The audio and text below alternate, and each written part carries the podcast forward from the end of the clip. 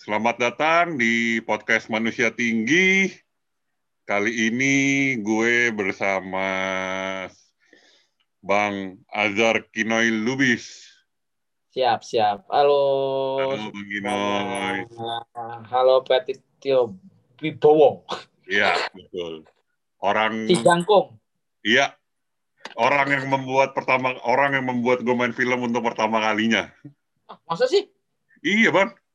Sebelumnya Pertama kali gue main film layar lebar tuh sama lo udah Serius? serius. Bukannya sebelum-sebelumnya udah pernah di film horor apa gitu belum ya? Belum, belum pernah sama sekali. Gue kaget. Pantesan lo waktu pas awal-awal syuting kadang-kadang kaku. tuh. iya, makanya gue kaget. Ya, ya, ya, ya, ya, ya, ya. Serius, gue dipanggil. Hah? Serius nih? Gitu. Tapi sorry banget eh wajah lo dirubah Gak apa-apa, Bang. Gak di apa-apa, okay. di kamuflasein jadi jadi sosok yang lain gitu kan. Gak apa-apa, it's okay. Seenggaknya teman-teman gue lebih, Ah. eh, teman-teman gue dan orang-orang yang nge-review filmnya Hmm, hmm, hmm. lebih mengingat gue daripada Samuel Rizal. Oh gitu. Iya, karena maksudnya sosok lu kan beda sendiri lu lu Ah. sosok yang sangat apa terlihat besar tapi bukan raksasa gitu kan betul. ini sosok sosok itu gua ambil dari dari eh istilahnya itu kan demit ya kalau di Jawa itu ada demit gitu tapi gua mengambil sosok-sosok eh apa ya wujud-wujud setan atau roh, roh makhluk lain halus lah ya yang ada di Indonesia kayak gitu Hmm. loh. Jadi kayak lu itu perwujudan dari kalau di Sumatera Utara tuh di Batak ada namanya begu ganjang. Begu Ganjang, oke. Nah, begu itu kan artinya tuh kalau bahasa Batak tuh hantu. Jadi hantu yang panjang, kakinya panjang, tangannya panjang, badannya panjang, kepalanya sebenarnya juga panjang kayak gitu loh. Kukunya juga panjang. Betul. Nah, jadi itu yang gua wujudin untuk ke sosok yang lo mainin kayak gitu loh.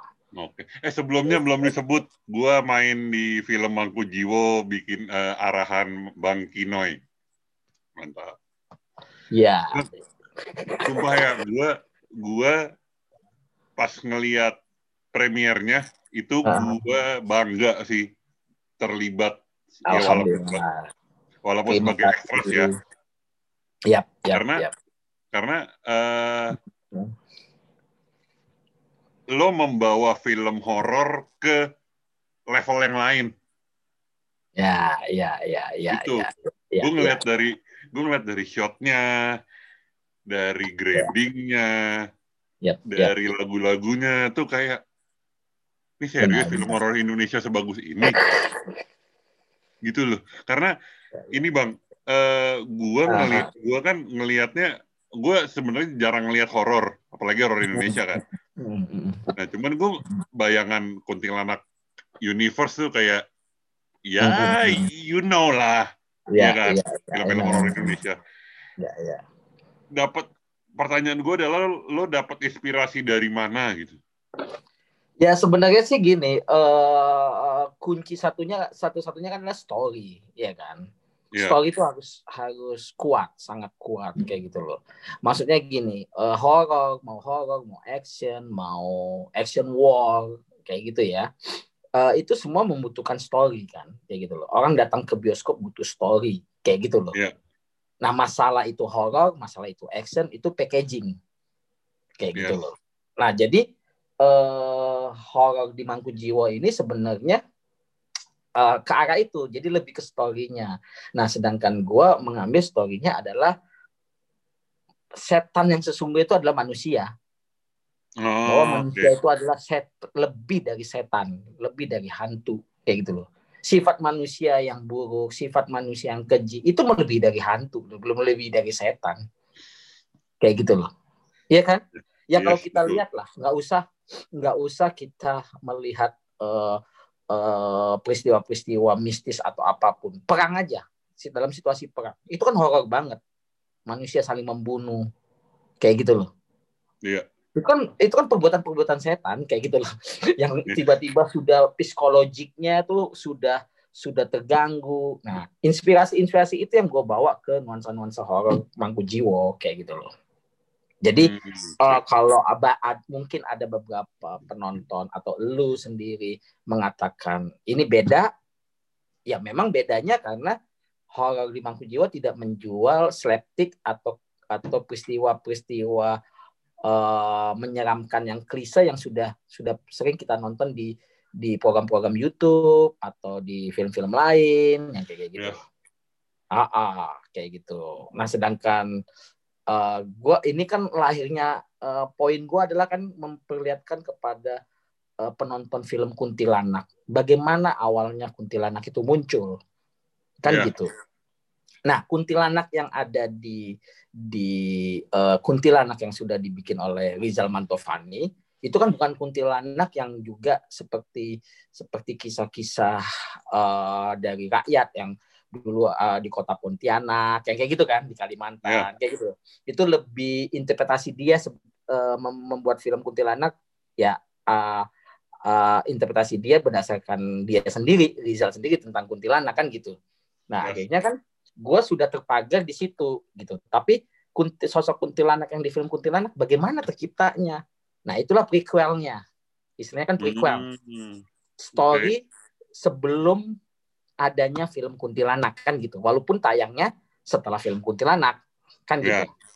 Uh, uh, prequelnya kisah sebelum terjadinya Kuntilanak kayak gitu loh. Nah, gue berpikir bagaimana menciptakan kuntilanak ini kan gitu, gitu hmm. loh, iya kan? Yang pasti kenapa dia selalu menghantui, gue ambil uh, yang paling gampang adalah orang yang selalu menghantui pasti punya dendam. Iya. Gitu. Tapi dendam yang dalam arti bukan di dunia yang nyata, sudah di dunia yang lain kayak gitu. Makanya akhirnya arwah yang sudah gentayangan ini yang masih masih tidak nyaman hidupnya di dunia sana, akhirnya dia melakukan dendam kan gitu. Hmm. Kayak gitu loh. Nah, dendam inilah yang dimanfaatkan oleh manusia untuk menjadi sebuah kekuatan atau power untuk mengambil sebuah keuntungan kayak gitu loh. Nah, itu yang dilakukan oleh si Tejo. Ah, Broto Seno. Iya, makanya dia sebenarnya mengharapkan mengharapkan si si kuntilanak ini si Kanti ini akan mati suatu saat hmm. kayak gitu loh. Dia berharapkan itu, tapi anaknya bisa dia bina, bisa dia dia rawat agar bisa gampang memanggil si kuntilanak seperti itu. Hmm, okay. uh, uh, dan dan bagaimana dia mendoktrin itu? Ya dia dia bikinlah psikologiknya dia sim dia dia dia taruh di tempat yang tidak nyaman seperti labnya dia yang ada uh, banyak binatang yang kayak gitu kan. Yang bau kayak yeah. gitu loh. Terus akhirnya dia menggabungkan menggabungkan sebuah unsur-unsur bahwa dia percaya bahwa uh, binatang ini ada ada makhluk lainnya kayak gitu loh kayak demit yang sehingga dia harus menggabungkan organ-organ tubuh binatang ini dengan uh, darah kanti kayak gitu sehingga kalau dia makan itu uh, dan saat dia mantrain itu tubuh-tubuh demit-demit ini siluman ini akan menyatu di dalam tubuhnya kanti mistisnya kayak gitu. Okay. Jadi kalau kita pernah kalau lo pernah nonton Frankenstein? Belum, belum, belum. Frankenstein yang dia menghidupkan lagi manusia dari potongan-potongan tubuh manusia yang ber, bermacam-macam kayak yes. gitu. Yeah. Menggabungkan misalnya uh, si mayat ini tidak punya tangan, dia ambil dari tangan siapa, nanti jantungnya diambil dari jantungnya siapa, nanti dia hidupkan. Nah, dia menghidupkan hmm. manusia lagi. Nah, Sujiwo Tejo sebagai Brotoseno di Mangkujiwo, itulah dia menghidupkan Kanti lagi kayak oh. gitu sebagai sosok kuntilanak kayak gitu loh. Okay. nah itu itu ide ide gue untuk menciptakan kuntilanak universe kayak gitu loh. Oh, Bahwa kuntilanak okay. lahir penciptanya adalah manusia kayak gitu. Loh.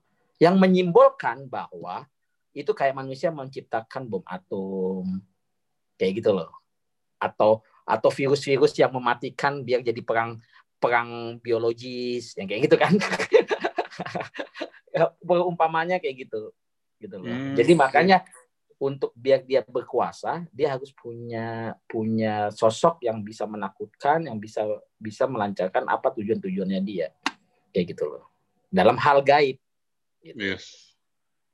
Begitu Tertu, sih. Tertuang uh, di filmnya semua. Apa? Ter, tertuang di filmnya semua.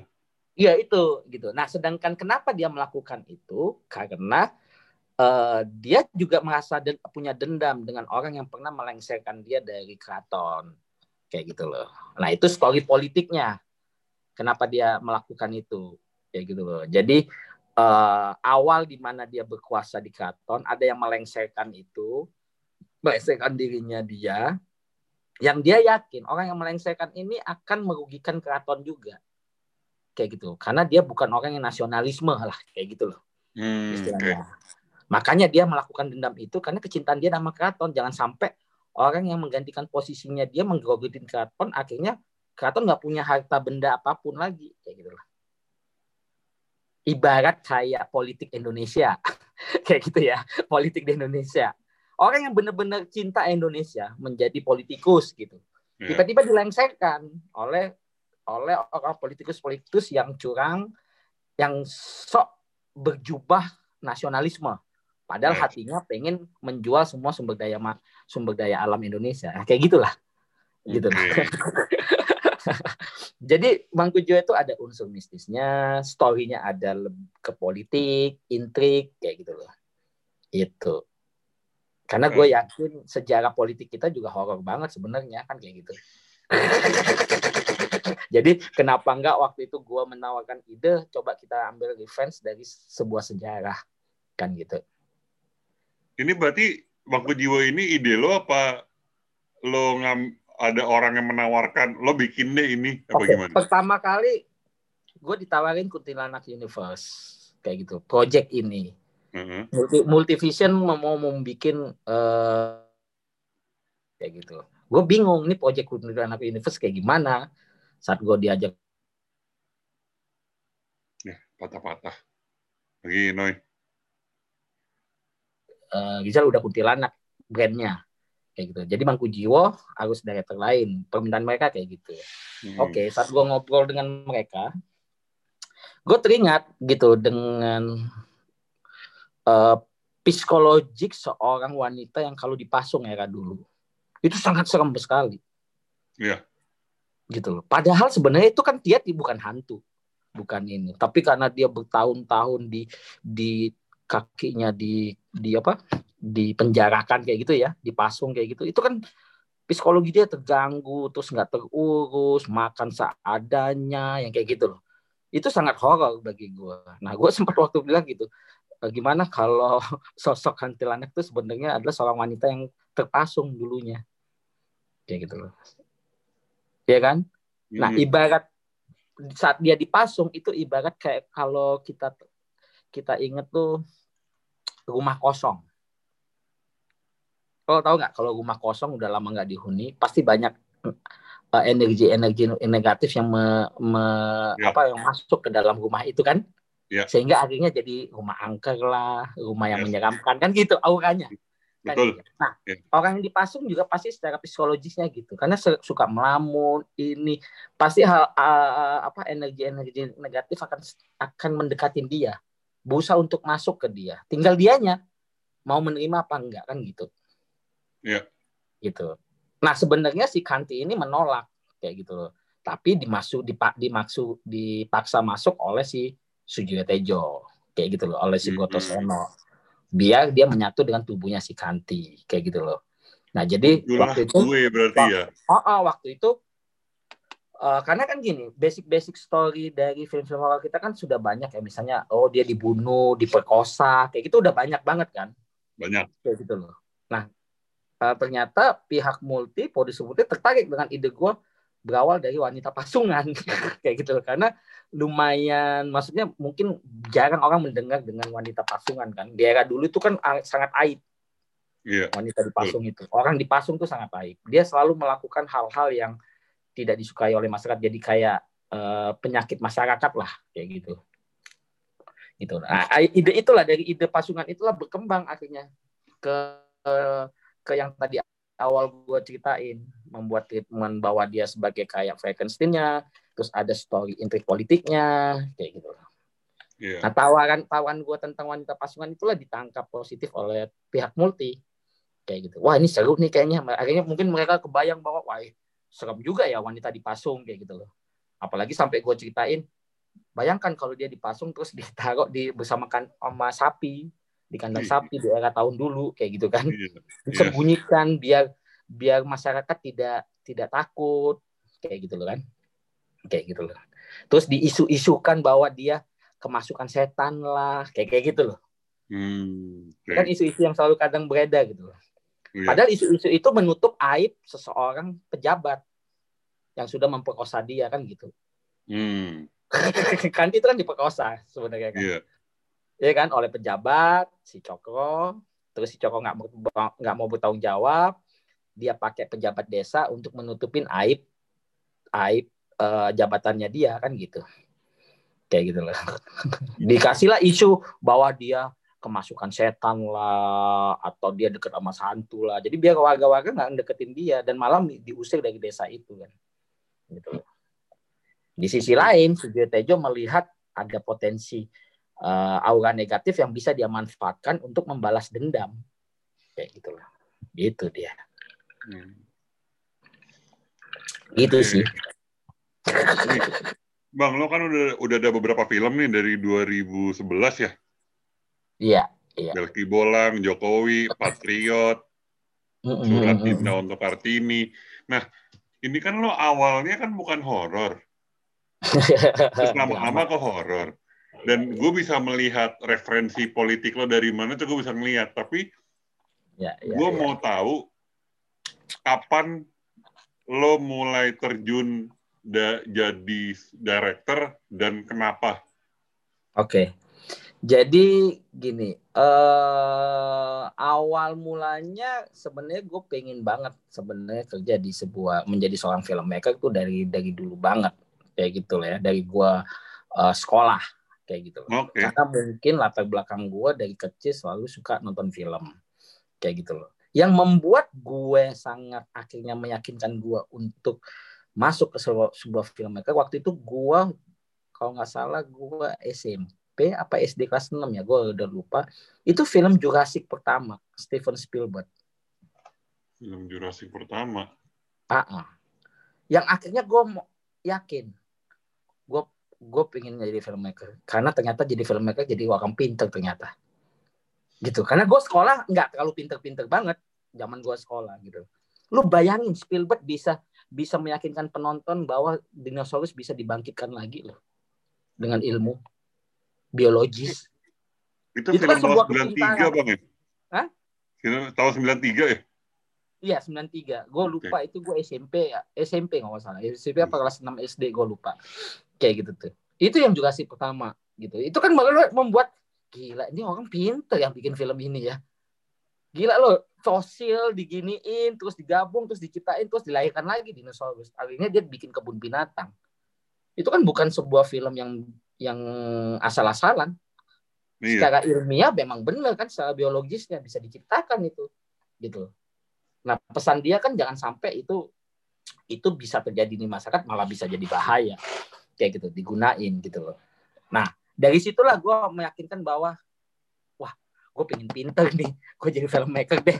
Kayak gitu. Ternyata memacu gue uh, agar memacu gue untuk membaca dan belajar semuanya. Misalkan kalau saya gue bikin film sejarah akhirnya memaksakan diri gue untuk belajar dulu kan riset dulu. Iya betul. Lalu gue buat kayak gitu kan. Kayak gitu. Nah itu yang memacu gue yang akhirnya ya gue sekolah lah di IKJ kayak gitu kan. Oh lo IKJ ya sekolah di IKJ gitu. Yang dulu juga awal-awal selalu gue pengen tahu semuanya. Jadi gue bukan tiba-tiba keluar dari IKJ jadi sutradara juga enggak kayak gitu loh. Jadi waktu pas gue kuliah gue nyambi-nyambi job ya jadi lighting, jadi askam, jadi art kayak kayak gitu loh. Ngebum juga, jadi produksi juga. Karena gue pengen tahu semuanya. Zaman gue kuliah kayak gitu loh. Hmm. Jadi sempet tuh zaman gue kuliah, gue diledekin sama teman-teman gue yang kelas kamera kelas yang calon-calon jadi DOP. Kenapa? Karena gue kelasnya penyutradaraan waktu pas sudah tingkat-tingkat tiga kan. Nah, di situ gue kelas penyutradaraan, tapi ngejobnya asisten kamera. Jadi mereka mau bilang, lo ngambil lahan gue, nah kayak gitu loh. Padahal gue sebenarnya ya sebelum lulus gue pengen tahu semua. Gitu. Nah setelah gue lulus, akhirnya gue konsentrasi lah di, di di di bidang penyutradaraan. Akhirnya jadi Astrada kayak gitu kan. Itu hampir 15 tahun gue jadi Astrada, ngasistenin Gali Nugroho, Teddy Suratmaja, Hani Saputra, Nente Agnas, hampir semua director-director uh, senior lah istilahnya ya di era 15 itu. 15 tahun, Bang. Iya, jadi Astrada. Gokil. Dan Wah, gua menginjak menyutradarai pertama itu tahun 2013 sebenarnya, bukan 2011. Oh, salah. 2011 itu mungkin proyek Belki Bolang. Iya, Belki nah, Bolang. Waktu project, uh, waktu proyek Belki Bolang tuh gue memang jadi sutradara, tapi kan film pendek. Itu kan oh, film ini film omnibus. pendek. Iya, itu kan film omnibus yang di mana ada sembilan sembilan sutradara muda yang membuat sembilan film pendek terus digabungin jadi satu. Oh. Nah, jadi maksudnya itu itu project omnibus, film omnibus kan. Kayak gitu. Ada sembilan cerita, sembilan film pendek, sembilan sutradara yang berbeda, sembilan pemain, kayak gitulah. Gitu. Jadi oh. film panjang dia, kayak gitu. Nah, itu waktu itu gue masih astrada, kayak gitu waktu pas project itu. Dan itu kita sama teman-teman gue semua itu kan ada Iva, Iva Isvansa juga, itu juga Iva baru jadi sutradara, kayak gitu kan. Ya ada Edwin juga Edwin Babi Buta kayak gitu loh. Nah itu keresahan kita di industri sebenarnya. Keresahan ke sistem industri yang harus pakai uh, bintang apa gitu. Akhirnya kita bikin bikin karya sendiri gitu yang independen kayak gitu hmm. nah setelah itu di 2013 akhirnya gue dipercaya untuk bikin film Jokowi Iya betul ah, ah film itu waktu itu Jokowi masih jadi gubernur kayak gitu loh Nah dari situlah awal gue jadi sutradara. Akhirnya saat gue bikin film Jokowi, gue bilang nggak mungkin gue jadi sutradara lagi. Ya udah, gue bikin, uh, gue akan jadi director terus kayak gitu loh. Dan itu sempat gue vakum setahun dari 2013 karena tidak gampang saat lo bikin film pertama untuk bikin film kedua itu nggak gampang juga untuk meyakinkan produser kayak gitu loh. Kenapa tuh bang? Satu kan uh, satu adalah gini saat film lo juga bukan yang memang uh, mau lo bikin film bagus gitu. Tapi kalau jumlah penonton lo tidak banyak kan produser industri nggak akan mungkin manggil lo. Kayak yeah. gitu loh. Yang yeah. akhirnya kan kita bergelot dalam waduh, gue pengen masuk di sini, tapi kan harus mencari pendana akhirnya kan. Itu kan nggak gampang mencari pendana. Kayak gitu loh. Kalau kita mau bikin film yang idealis kan kayak gitu. Iya. Yeah gitu tapi akhirnya kan gue harus harus kompromi dengan industri karena ya kerjaan itu kan dari industri gitu akhirnya gue belajar terus bagaimana untuk mem, me, me, membuat yang film yang bisa mendatangkan penonton kayak kayak gitu loh ya dari situ gue dari Jokowi terus duet sama Lukman waktu di MNC uh, eh, di balik 98 ya kan okay. kayak gitu oh, itu duet ya dua sutradara sebenarnya itu Nah, terus uh, surat cinta untuk Kartini bla bla bla sampai terakhir Mangku Jiwo. Kayak gitu loh. Nah, titik sebenarnya titik gua naik sebenarnya di film kafe. Iya, betul. Itu titik gua gua uh, maksudnya apresiasi masyarakat publik melihat potensi itu gitu loh. Dan dari situlah gua kadang-kadang susah untuk memilih-milih job. Karena akhirnya semua produser horor manggil gua setelah setelah buat kafir. Sampai gue aduh ini bikin horor apa? Aduh ini kayak gini kayak gitu loh. Ya kan? Gitu loh. Yang sampai akhirnya gue ketemu lagi dengan pihak multi yang membebaskan atau memberi kepercayaan nama gue untuk membuat sebuah story horror yang berbeda bukan yang okay. sudah sudah biasa yang harus ada jump scare-nya kayak kayak gitu loh. Harus yeah. ada apa kayak gitu. Enggak mereka enggak nggak patok pada itu. Kayak gitu. Lebih memikirkan storytellingnya. Akhirnya makanya gue bikin mangku jiwa lagi. Kayak gitu. Mantap. tapi sebelum mangku jiwa banyak banget gue diminta untuk bikin apalah ini pelet lah itulah. Waduh ini enggak deh. Gue bilang kayak gitu loh. Nah itu. Nah itu kembali lagi. Itu juga mendapat alhamdulillah mendapat pres, uh, uh, apresiasi lagi dari dari dari penonton kayak gitu loh. Hmm. itu kayak gitu loh itu sih perjalanan gue kayak gitu loh untuk jadi jadi uh, director ya menjadi seorang sutradara gitu. Oke, okay, sekarang gue paham kenapa lo memperla gue gue agak kaget bang yang waktu gue dipanggil ke set uh -huh. dan uh yang ekstras tiga itu uh -huh.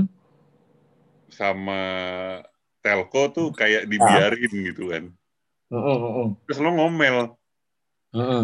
gue inget gue inget banget itu lo ngomel jam berapa setengah dua belas malam setengah satu gitu eh ini Kenapa lo kenapa lo nggak kasih anduk? Kenapa lo nggak kasih selimut? Lo gila lo mereka kedinginan beku sakit lo gila lo. Itu itu gue kaget bang. Hah? Gue ekstras doang.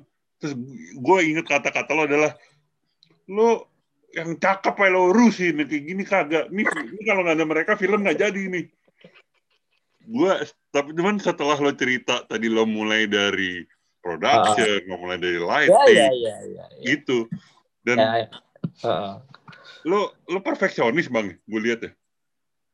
Ya perfeksionis bukan ya itu tuntutan ya. Maksudnya perfeksionis bukan dalam arti perfeksionis yang negatif juga. Maksudnya kita membuat sesuatu kan emang harus perfect lah kayak gitu loh. Yeah. Tapi belum tentu juga kan juga hasilnya perfect. Kadang-kadang kita juga belum puas dengan hasil walaupun orang bilang ini keren gitu loh. Tapi kadang kita juga belum puas juga gitu kan. Karena banyak banget batasan istilahnya oh kita dibatasin waktu, kita dibatasin budgetnya, kayak gitu kan? Iya. Yeah. Gitu loh, kayak gitu-gitunya. Tapi ya dalam arti gue kayak lo bilang tadi bahwa uh, mungkin istilahnya, oh ternyata gue memperhatikan orang ya benar kayak gitu. Maksudnya kita bekerja, jadi tidak ada istilahnya ini ekstras, ini pemain utama, ini supporting, ini sutradara, ini pembantu apa runner yang hanya nyiapin kita makan itu kita harus ngeblend gitu. Yeah. Karya yang baik tuh ya semuanya ngeblend kayak gitu loh gitu tidak ada batasan ya walaupun gue sutradara ya emang sutradara tapi bukan dalam arti gue harus dilayanin banget kayak raja. Kayak gitu hmm. loh. Kayak gitu loh. Iya kan? Kayak gitu loh. Yeah. karena gue juga gue seorang pekerja sutradara itu pekerja kayak gitu loh. Ya maksudnya ada fasilitas uh, eh, gue harus ada tempat duduk atau apa ya itu mungkin untuk menyamankan biar berpikir kan kayak gitu. Tapi tetap yeah otak bekerja terus kayak gitu loh. Nah terus yang kayak gue kalau bilang gue ngomel-ngomel ini nggak di nggak dihandukin, nggak diselimutin apa ya? Ya gue gila tiga pemain gue demit utama gue kayak gini masuk kalau tiba-tiba sakit gue gimana? Loh nggak jadi syuting kan aneh. Gila. Lu udah di make upin udah lama banget tapi nggak dipikirin gimana make up. Kan telanjang terus gila satu harian. Gue make up ya, udah. Bayangkan kalau yang tempat yang nggak dingin aja orang bisa masuk angin gimana itu kali nah. orang yang dingin kan gitu nah. Gue make up gitu. tuh mulai jam tiga bang selesai setengah enam Iya, nah makanya karena gue tahu juga, gue kan kontrol semua. Kapan mulai make up si demitnya, apanya kayak gitu loh. Dan lu waktu giliran masuk ke set juga mengan, uh, jadi kayak ngantri kan ngantri karena uh, scene ini belum selesai karena ada teknis yeah. yang iya. ada ada uh, ribet kayak gitu. Jadi molor waktunya kan gitu kan yes. gitu loh ternyata nggak segampang gitu hanya bikin adegan uh, asmara diam di situ aja oh butuh waktu karena oh si pasungannya jadi terlalu ini apa kan kayak gitu gitunya lah teknis lah. Ya kan gitu. Nah tapi kan maksud gua nextnya juga harus dipikirin orang yang akan masuk set. Tapi kalau ditelantarin gitu kan tiba-tiba nanti waktu waktunya lo muntah-muntah lo masuk angin pusing akhirnya nggak syuting. Iya. Kan gitu. Karena mungkin mungkin karena gue pernah di posisi Astrada kayak gitu loh yang memegang itu semua dan jangan sampai schedule yang gue bikin jadi molor karena ada yang sakit atau apa kan kayak gitu. Gue jadi akhirnya negor. Kayak gitu loh. Itu yang ini gue gitu loh. Karena apa? Kalau lo nggak di di nggak diperhatikan saat lo masuk set banyak tuntutan gue ke lo.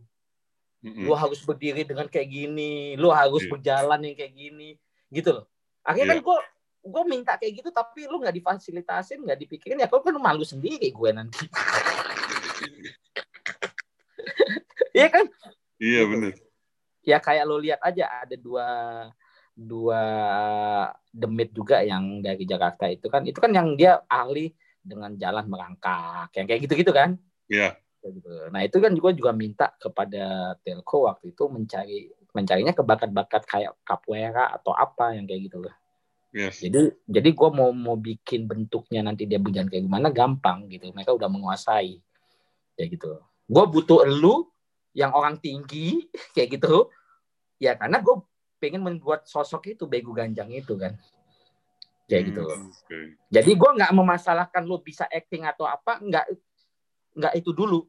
Kayak gitu. Kalau itu gampang gue bisa mencoba mem, mem, mem, membantu mengarahkan untuk lo jadi main bagus kayak gitu. Yeah. tapi posturnya dulu fisionominya dulu yang benar kan gitu. Gitu. Percuma uh, ada aktor yang bagus tapi dia kurang tinggi kan kayak gitu. Jadi nggak dapat juga bentuknya kan kayak gitu. Ya betul.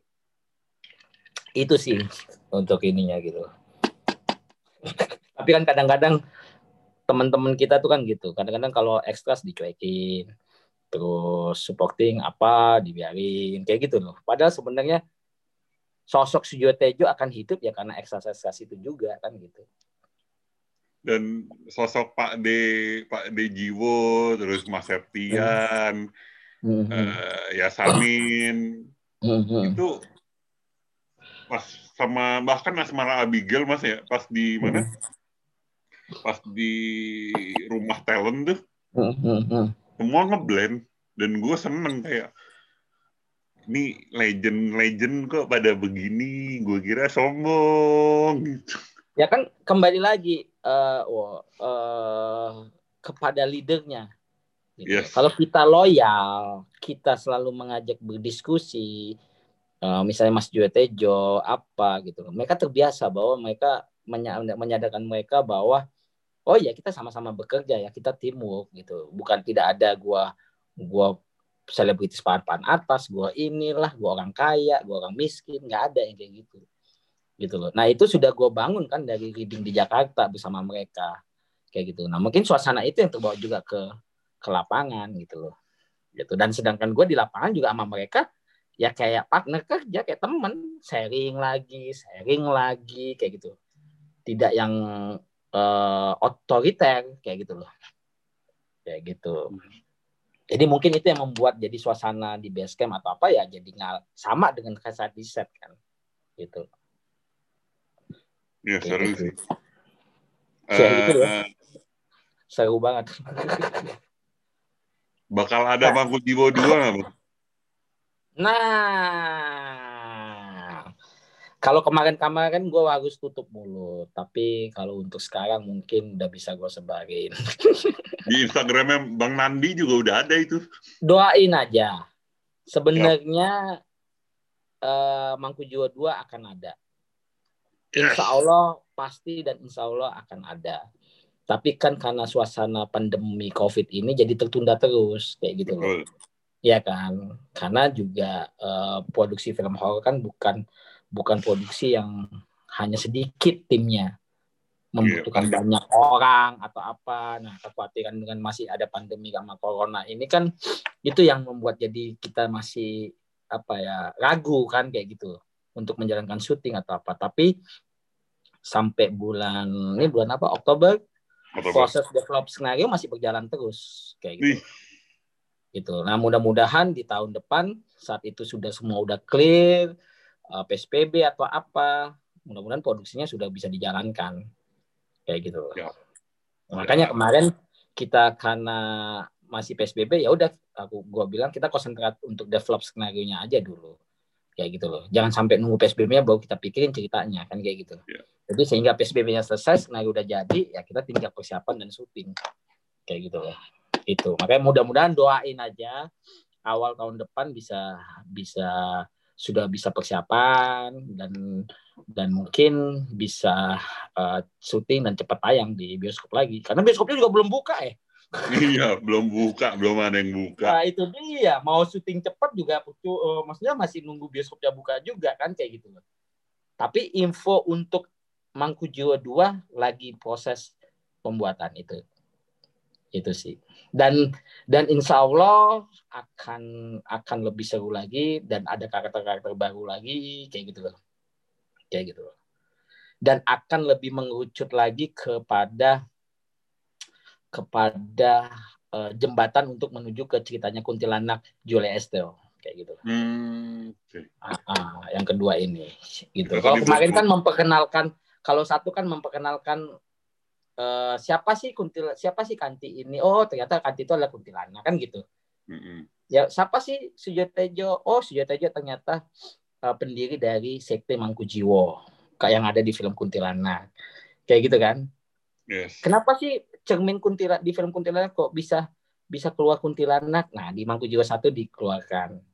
Dikasih tahu. Nah, nanti di Mangkujiwo dua aksi dari semua itu semua aksi hmm. dari sekte Mangkujiwo, aksi dari cek kekuatan cermin itu sendiri, apa yang ada di balik dunia dunia dunia gaib yang ada di dalam cermin itu, gitu. Itu semua akan terlihat di Mangkujiwo 2. Gitu loh. Terus bagaimana bagaimana warisan Durmo itu akan akan akan menjadi warisan kayak gitu. Durmo Lingsewogi kayak gitu. Ini bocorannya aja. Berarti akan gitu. banyak action. Hah? Akan banyak action akan akan lebih berdarah actionnya juga ada tapi tetap storytelling di drama intriknya tetap ada. Tetap kuat. Kuat gitu loh. Kali ini kita mencoba mengambil uh, sisi politik yang lain kayak gitu loh. Wow. Gitu. Kabar? Kalau kalau Monkey Jawa satu itu kan istilahnya uh, itu kalau kita lihat kita bayangkan itu hampir mirip kayak sejarah politik kita di tahun 50-an. Kayak gitu loh. Hmm. Ya kan? Bagaimana perebutan perebutan uh, kekuasaan atau apa setelah kita merdeka kayak gitu loh. Ada beberapa kelompok yang pengen rep, uh, Republik Indonesia Serikat, ada yang pengen Indonesia, yang kayak gitu loh.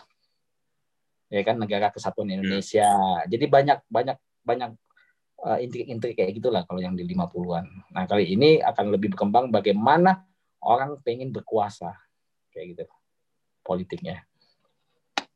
Gitu, oh. saling menjatuhkan kayak gitu loh. Gitu. Bisa jadi orang yang dulu baik sama kita ternyata dia memukul dari belakang. Kan gitu. Yes. Nah, hampir sama kan dengan politik tahun 60-an. 60 70. Tidak usah dibahas. Sudah tahu semua. Yang lagi hangat-hangatnya kemarin kan 30 September gitu loh. Iya. itu basic itu yang gue bawa ke Mangku Jiwa 2. Kayak gitu loh. Oke. Okay. Gitu. Jadi ya mudah-mudahan penonton akan lebih lebih seru lagi, teman-teman yang mau nonton Magu juga akan lebih seru lagi dan akan lebih penasaran lagi dengan dengan apa hubungannya dengan film Kuntilanak kan gitu. Itu sih. Akan tetap ada pemain yang tetap di dari Mangku Jiwa satu, tapi ada pemain karakter-karakter baru yang akan muncul lagi. Ini tetap nggak bang? Apa? Tetap nggak ini? Wow, ya pastilah Iya, mantap. Itu pasti ada. Kayak gitu. Karena gini, ini ini kali ini, wow ini gue bocor gitu. Gue bikin sedikit lah ya. Yeah. Mangku Jua dua itu akan memperlihatkan bagaimana Kanti berembrio dengan si tiga demit ini. Oh my god. Kalau kemarin kan dia dimasukin tiga yeah. demit ini. Yes. Nah sekarang bagaimana dia bisa menjadi sebuah embrio baru kayak gitu. Proses oh. itu.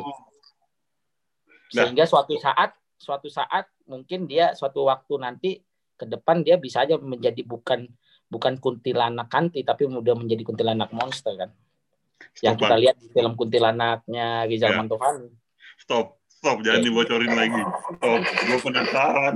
Apa malah bagus lu penasaran daripada nungguin Mangku Jiwa 2. Iya. daripada gue tutup-tutup malah nggak inget sama Mangku Jiwa 2. Gue nunggu callingan nih, Insya Allah, insya Allah gue akan akan buat lebih menarik lagi kayak gitu. Karena gue yakin ekspektasi penonton akan lebih dari yang satu kan kayak gitu. Iya, betul. Gitu. Dan gue mudah-mudahan ya multi mensupport itu juga gitu. Karena semua kan kerja kerja tim ya. Jadi cuma juga director punya visi tapi kalau tidak ada support kan kayak gitu. Iya. Gitu. Mudah-mudahan seperti itu. Amin. Ditunggu callingannya bang. Amin, amin. Aduh. Bang, gitu terus ah. sorry, ini ah. pertanyaan utama sih sebenarnya. Ada, ada yep. gue kenal beberapa filmmaker kayak Pandu Birantoro hmm. kalau lo tahu. Siapa? Pandu, Pandu. Oh, Pandu, ya, ya, ya. Pandu, ya. terus teman gue Benedion. Oh, Benedion stand up. Uh, stand up uh, uh, sama Ernest, sama Panji, sama lo yeah. juga kan. Iya, nah, yeah. yang menjadi pertanyaan gue adalah seberapa ngaruhnya pandemi ini terhadap industri film? Waduh. Ada dua sisi nih sebenarnya. Kalau gue dari perspektif gue ya. Iya. Yeah. Ya gitu. Kalau perspektif gue pertama adalah ini membuat kantong kita kering. Pandemi ini. Ya ini jujur-jujur aja. Yeah. Kayak gitu. Yang tadinya kita produktif, akhirnya ide-ide banyak kayak gitu. Tapi kan tidak bisa terlaksana dengan dengan baik karena karena batasan tidak syuting belum belum diperbolehkan kayak gitu kan. Kayak gitu loh. Nah, hal-hal kayak gitu. Terus kalau kedua perspektif gua sebenarnya sangat menguntungkan sebuah filmmaker. Kenapa tuh? Jadi kalau memang ada produksi yang nekat mau, yuk kita tetap syuting ya enak kan kita di, di, di dikasih fasilitas kesehatan sama produser.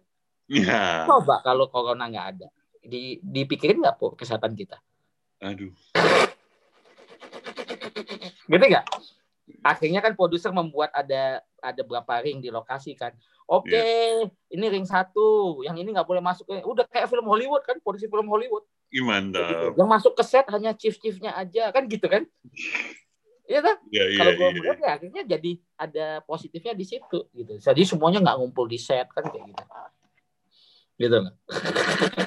Lebih ke situ sih kalau gue melihat gitu loh. Tapi kalau sisi yang pertama tadi memang sangat sangat terpukul banget ya. Di mana misalkan uh, dalam satu tahun mungkin kayak gue bisa dua atau tiga film, akhirnya satu film aja belum terproduksi kan kayak gitu.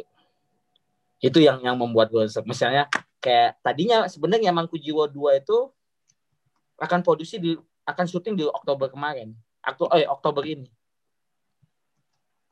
Tadinya kayak gitu. Nah, tapi karena masih masa pandemi akhirnya nggak bisa dipaksakan untuk produksi di Oktober kayak gitu loh. Hmm. Gitu. Tadinya sih bulan ini udah akan syuting di Oktober ini. Harusnya gue udah nerima callingan. Ah, ah, atau lo udah udah tes tes baju uh, ini lagi fitting fitting baju lagi loh. Mantap. Atau udah meeting lagi loh kayak gitu kan. Iya. Nah itu aja sih yang tadinya satu tahun mungkin bisa dua tiga film ya akhirnya satu film pun ya belum tentu belum tentu bisa terproduksi kan gitu. Iya. ah, ah. gitu. Tapi masa pandemi ini akhirnya alhamdulillah masih ada lah proyek-proyek kecil yang kayak gitu. Sinetron bang ya kalau nggak salah ya? Ada dua? Kalau sinetron memang gue uh, ngerjain sinetron juga, tapi bukan sinetron yang stripping ya. Oh, yang maksudnya bukan bukan stripping yang kayak kalau kita tahu tuh sinetron stripping lah ya, yang tiap hari tiap yeah. hari tayang atau apa. Nah, tadinya kan gue kan memang dari awal banget itu membuat Amanah Wali. Nah, itu kan program Ramadan buat SCTI sebenarnya, spesial Ramadan. Yes. Kayak gitu. Jadi itu dari tahun aduh tahun berapa gue lupa dari Amanah Wali satu ya gitu kan. Nah, sampai yang keempat kemarin. Tapi mungkin karena masa pandemi karena dilihat Ramadan kemarin penontonnya udah ada dan bagus share-nya ya bagi XCTI dibikin stripping. Hmm. Kayak gitu, dibikin regular yang jadi akhirnya tayang tiap hari. Kayak gitu. Dan walinya kan juga lagi nggak banyak konser-konser musik, musik lagi stop. Iya. Kayak gitu. Mereka mengambil keuntungan itu. Nah, tapi buat gue sendiri gue nggak bisa yang stripping karena tiap hari syuting. Sabtu minggu pun syuting. Kayak gitu loh. Ya gue walaupun gue orangnya suka syuting tapi gue nggak gila syuting juga kan gitu. Gila nggak ada istirahatnya sama sekali nggak ada hari gue break kan. Yang uh, harus nanti tiba-tiba syuting pagi yang harus tayang malam ah, yang kayak gitu gue belum bisa. Kayak gitu. Hmm. nah itu yang akhirnya gue setelah lebaran kemarin tetap nggak ngelanjutin itu. Walaupun sampai sekarang ini masih tayang ya di di TV ya di RCTI hmm. gitu loh. Ah, ah. Itu. Ya maksudnya yang proyek-proyek kecil tuh yang kayak uh, kemarin gue bikin FTV Cinema Wajah dengan PH-nya Deddy Miswar yang sudah tayang di video video.com senyum musuhku nah ah, itu. Itu akhirnya gue berhasil mengajak lagi setelah membujuk seorang Yesi Gusman untuk comeback lagi ke dunia perfilman. Kayak gitu. oh, gitu. Mantap. selama ini kan Yesi Gufran udah yang seperti mungkin nggak pede lagi main atau apa. Lagi kemarin dan dia jadi pemain pemain ibu kan yang pemain utamanya kayak gitu loh. Jadi kalau teman-teman yang dengar podcast ini mau nonton lagi aktingnya Yesi Gusman ya tinggal putar aja di video.com. Senyummu surga aku itu ada kayak gitu. Oke.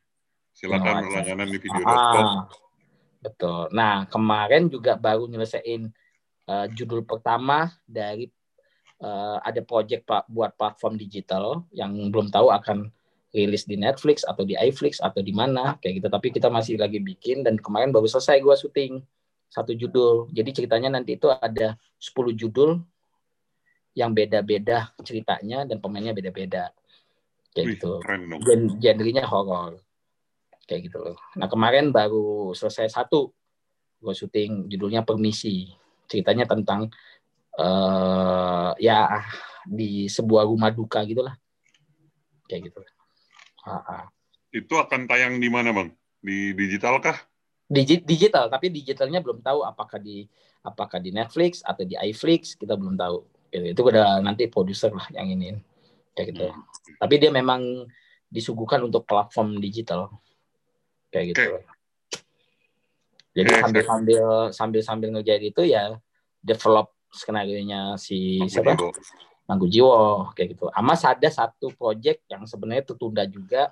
Gue lagi lagi join dengan Garin Garin Groho untuk bikin film horror yang menurut gue ini juga beda banget ceritanya dan ini belum belum boleh gue gue bocorin ceritanya kayak gimana tapi ini sebuah film horror yang horror thriller yang sangat sangat anak muda lah. Gitu. mantap. Uh, uh, judulnya puisi yang membunuh. Wih. Uh, uh, kayak gitu tuh. Oke, okay. stop, stop, jangan sampai Bang Kinoi bocor.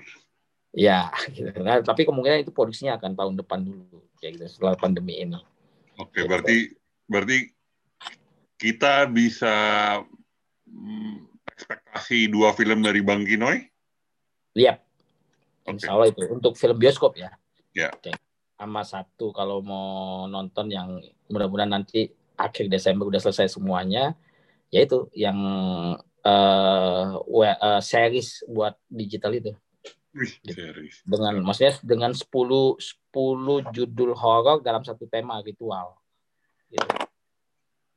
Itu okay. dia. Oke, okay, Bang. Segmen yep. terakhir, rapid question. Yep. Hmm. Apa? Rapid question. Apa itu? Pertanya pertanyaan oh, tapi jawab. Ya. Nah. Oke. Okay. Bioskop atau Netflix? Bioskop. Bioskop. Oke. Okay. Sujiwo Tejo, Roy Martin. Sujiwo Tejo. Eh, horor apa kom eh kok horor komedi? Horor apa politik? Wah, aduh ini susah ini.